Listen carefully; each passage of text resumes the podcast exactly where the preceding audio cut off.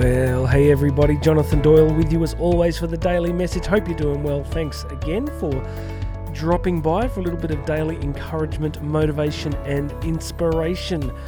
These kind of things that we need to do over and over again. It's just one of those things about being human that uh, inspiration, encouragement, motivation seem to be things that we need to do on a daily basis. Uh, as the story goes, you don't exercise once in your life and say, Well, that's it, I've exercised, I don't need to do that again. You don't brush your teeth once or have a shower once in life and say, Well, that's done. You do them on a daily basis. So that's kind of one of the reasons why this little daily podcast exists because I need daily reminders. I uh, I need daily encouragement and inspiration. It's, it's a lifestyle. I think it's a lifestyle of constantly trying to feed ourselves with good information. And uh, you know, for me, this journey of this content over a long period of time, it isn't about the magical thinking where you just visualize some a far distant goal and you magically attract it into your life. It's not wishful thinking, it's not magical thinking. It's basically looking at the great principles of uh, common sense, practical personal development, and just the things we can do to be conscious, to be intentional, to be awake every day to all the things that we do to sabotage ourselves, to hold ourselves back. Some days we are on our own team, and others we other days we are not on our own team. So this whole journey is not about sort of pumping your own tires and uh, telling yourself all sorts of stories that you don't even believe are true. You know, some of those affirmations, you know, that uh, I'm attracting into my life a new Porsche.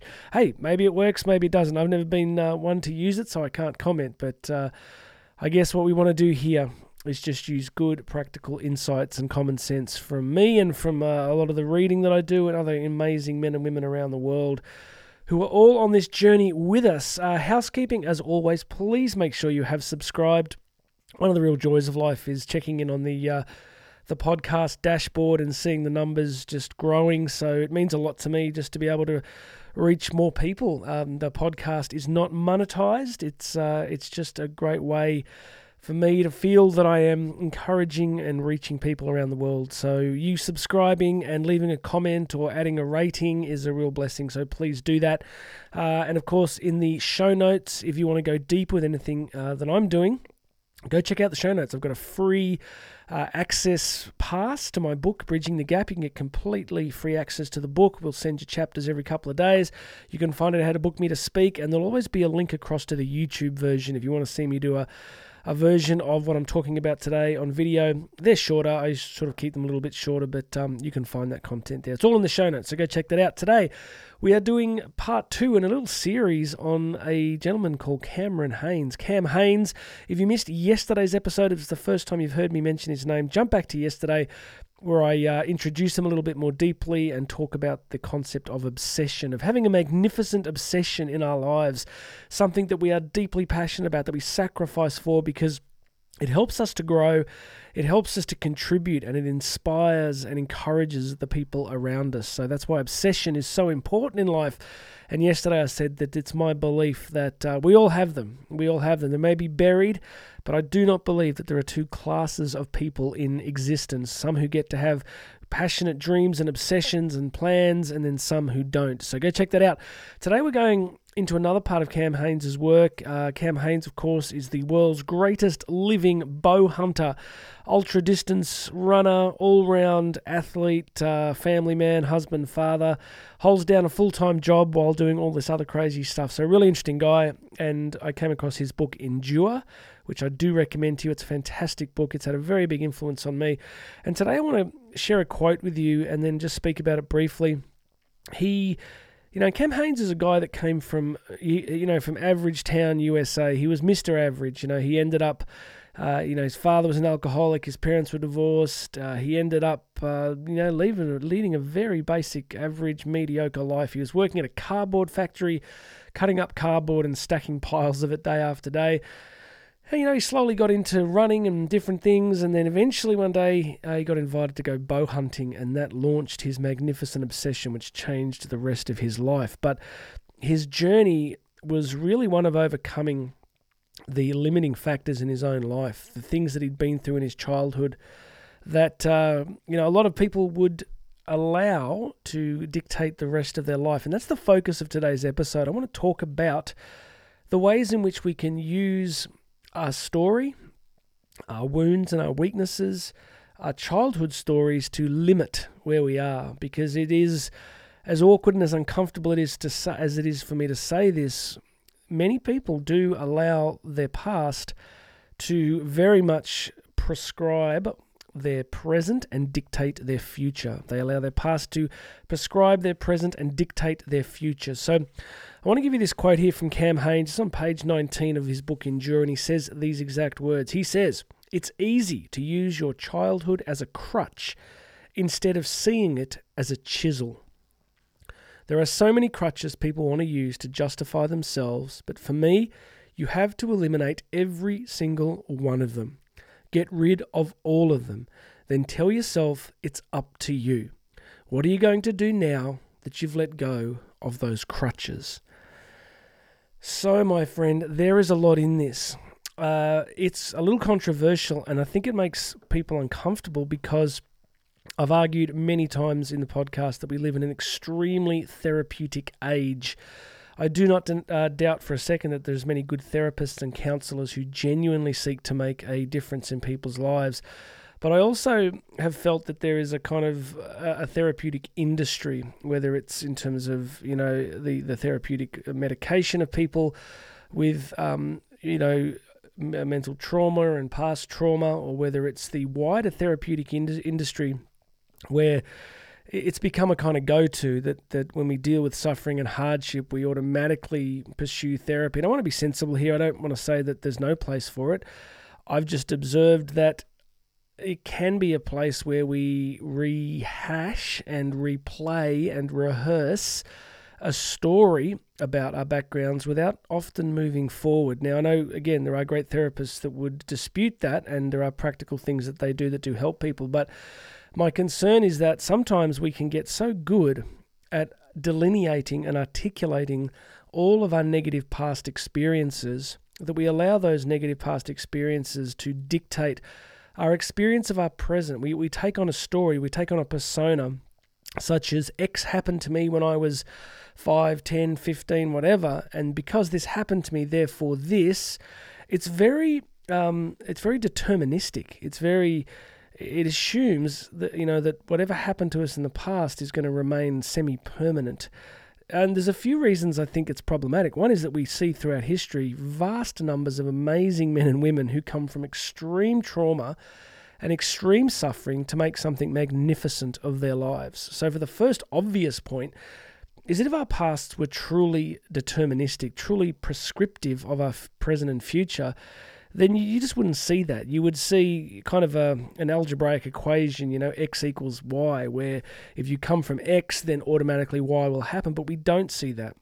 What we see is men and women often transcending their history to do something extraordinary with their lives. And that's why Cam Hanes says here it's easy to use your childhood as a crutch instead of seeing it as a chisel. I like that metaphor that um, what if the difficulties and the pains and the sufferings that we went through were not so much a crutch that we were meant to use for the rest of our lives, but actually were a kind of chisel that shaped and formed our characters. Now, we would never have chosen it, we would never go looking for it. And I don't diminish for a second the terrible things that can happen to all of us um, as, as younger people. And yeah, of course, you know, we've, we've got to do everything we can to limit that in our society, in, our, in a healthy culture. But what if some of the rejections, the failures, the setbacks, the hurtful things that happened to us were also a kind of chisel that has shaped us into the people that we've become? And what if instead of seeing all of the suffering as purely negative, what if it was in some sense empowering, in some sense it had prepared us for future success and future glory? So he goes, you know, I'll repeat his quote here. He says, There's so many crutches people want to use to justify themselves. And I think that's a really important insight is that if your results are terrible, then we, you know, in life, and if you're going through all this repeated patterns of dysfunction, then we do want to look for a reason, don't we? I mean, we either go into avoidance, drug and alcohol, other forms of addiction, we either want to avoid the reality of where we are, or we go into blame. And I've said this for years on the show that blame or avoidance tend to be the dominant patterns when people do not want to really move forward. because moving forward is painful. Integrating your past, integrating your pain is painful. So often we want to avoid it. But what he's saying to us here is what if you have to just throw the crutches away? What if at some point in our lives we have to say, yep, that happened. That's what it was. You know, I wouldn't have wished it on anybody, but it happened and it was horrible. But I can choose an empowering meaning from that and I can go forward from here. You know, he was really driven by his own father, who was a you know a very very gifted athlete, but became an alcoholic pretty early in life. And there's a line here on the same page where Cam Hanes is talking about his own father, and he said he had a lot of potential that he never got to take advantage of because of drinking in the prime of his athletic life. So you can see here that um, you know Cam's looking into his own father's background and seeing this limitation, this limiting story that really held his father back, and obviously impacted Cameron when he was younger. Obviously, really shaped his perception. So, does anybody want an alcoholic parent? Does anybody want to sign up for that and think it's a good thing? No. But you can see in Cam Hanes' story that he's able to look into that past and make a series of decisions about his future based on the pain of that experience. So again, we're back to this sort of process of empowering meaning. We're back to this process of no matter what happens to us, we can find an empowering meaning. We can take it as a chisel rather than as a crutch. So I don't know about you, my friend, but I just think we're in this cultural moment of you know of victim mentality, of of massive power differentials between different groups where claiming some form of victim status is is a way to advance oneself rather than acknowledging our past, acknowledging the difficulties that we've all faced, and then saying, What if this made me tough? What if this made me compassionate? What if this made me courageous? What if this made me, you know, a parent 10 times better than what I grew up with? What if this, yes, I may have come from, you know, relationship breakdowns, but what if I go on to take all that pain and, and work incredibly hard on successful relationships of my own? So it really comes down to how we find a meaning to move and move forward. You know, and, and really, no matter what we've been through, and many of you would know who've met me personally, you know, know that uh, my own backstory is very much full of some of that pain and uh, and challenge and suffering. And you know, times for me, it's been a very difficult ride, and I've had to learn. I've had to learn through a great deal of suffering over a long period of time to choose different meanings, to begin to be mentally disciplined and, and take control of what I actually think. And, and allow my thinking to be more productive and effective in my own life. So, friends, that's it for today. Let me know what you think, right? So, please you can email me at jonathan at jonathandoyle.co. You can jump across to the YouTube version and leave a comment on this if you think it's absolutely crazy. Um, but I'd love to know what you think on the difference between crutches and chisels and what happens in life when we throw those crutches away, we throw those stories away. We take radical ownership, we take real responsibility for our lives and for their direction you know, it's an empowering moment, really, when you actually can look back at your past. And, you know, nothing's wasted. You often, you look at that movie, The Prince of Egypt, right? You know, the old animated movie, the kids' movie, telling the story of Moses coming out of Egypt. And you see that all his, you know, that all of his life, both his early life and its successes, and then his kind of exile, all of it ends up becoming really useful at the peak of his life. So don't discount that, you know, some of what you've lived through, some of the pain that you've lived through may still have a powerful, powerful, you know, impact in the years ahead if you can find a meaning, if you can, you know, if you can find a way to tell a richer story about what you've come from and where you're heading. All right. I hope that's useful. Please make sure you've subscribed. Go check out all the links in the show notes. Let me know what you think. Uh, I'm back tomorrow. We'll probably do one more session on Cam Hanes, and I've got so much good stuff to come. I've got about uh, 10 days worth of episodes I'm really looking forward to doing. Of course, I've got the road trip next week, four and a half thousand kilometers on the motorbikes. I'll be doing live videos on that trip um, daily podcasting from obscure parts of semi outback Australia. So it's going to be great. So I hope you can come and join me on that. So please make sure you subscribe. But God bless you, friends. Whatever you've lived through, whatever's happened, you're still here, you're still listening. Your story is not finished, okay? Your story's not finished. You can find a better meaning. But um, God bless you. My name's Jonathan Doyle. This has been the Daily Message, and I'll have another one for you tomorrow.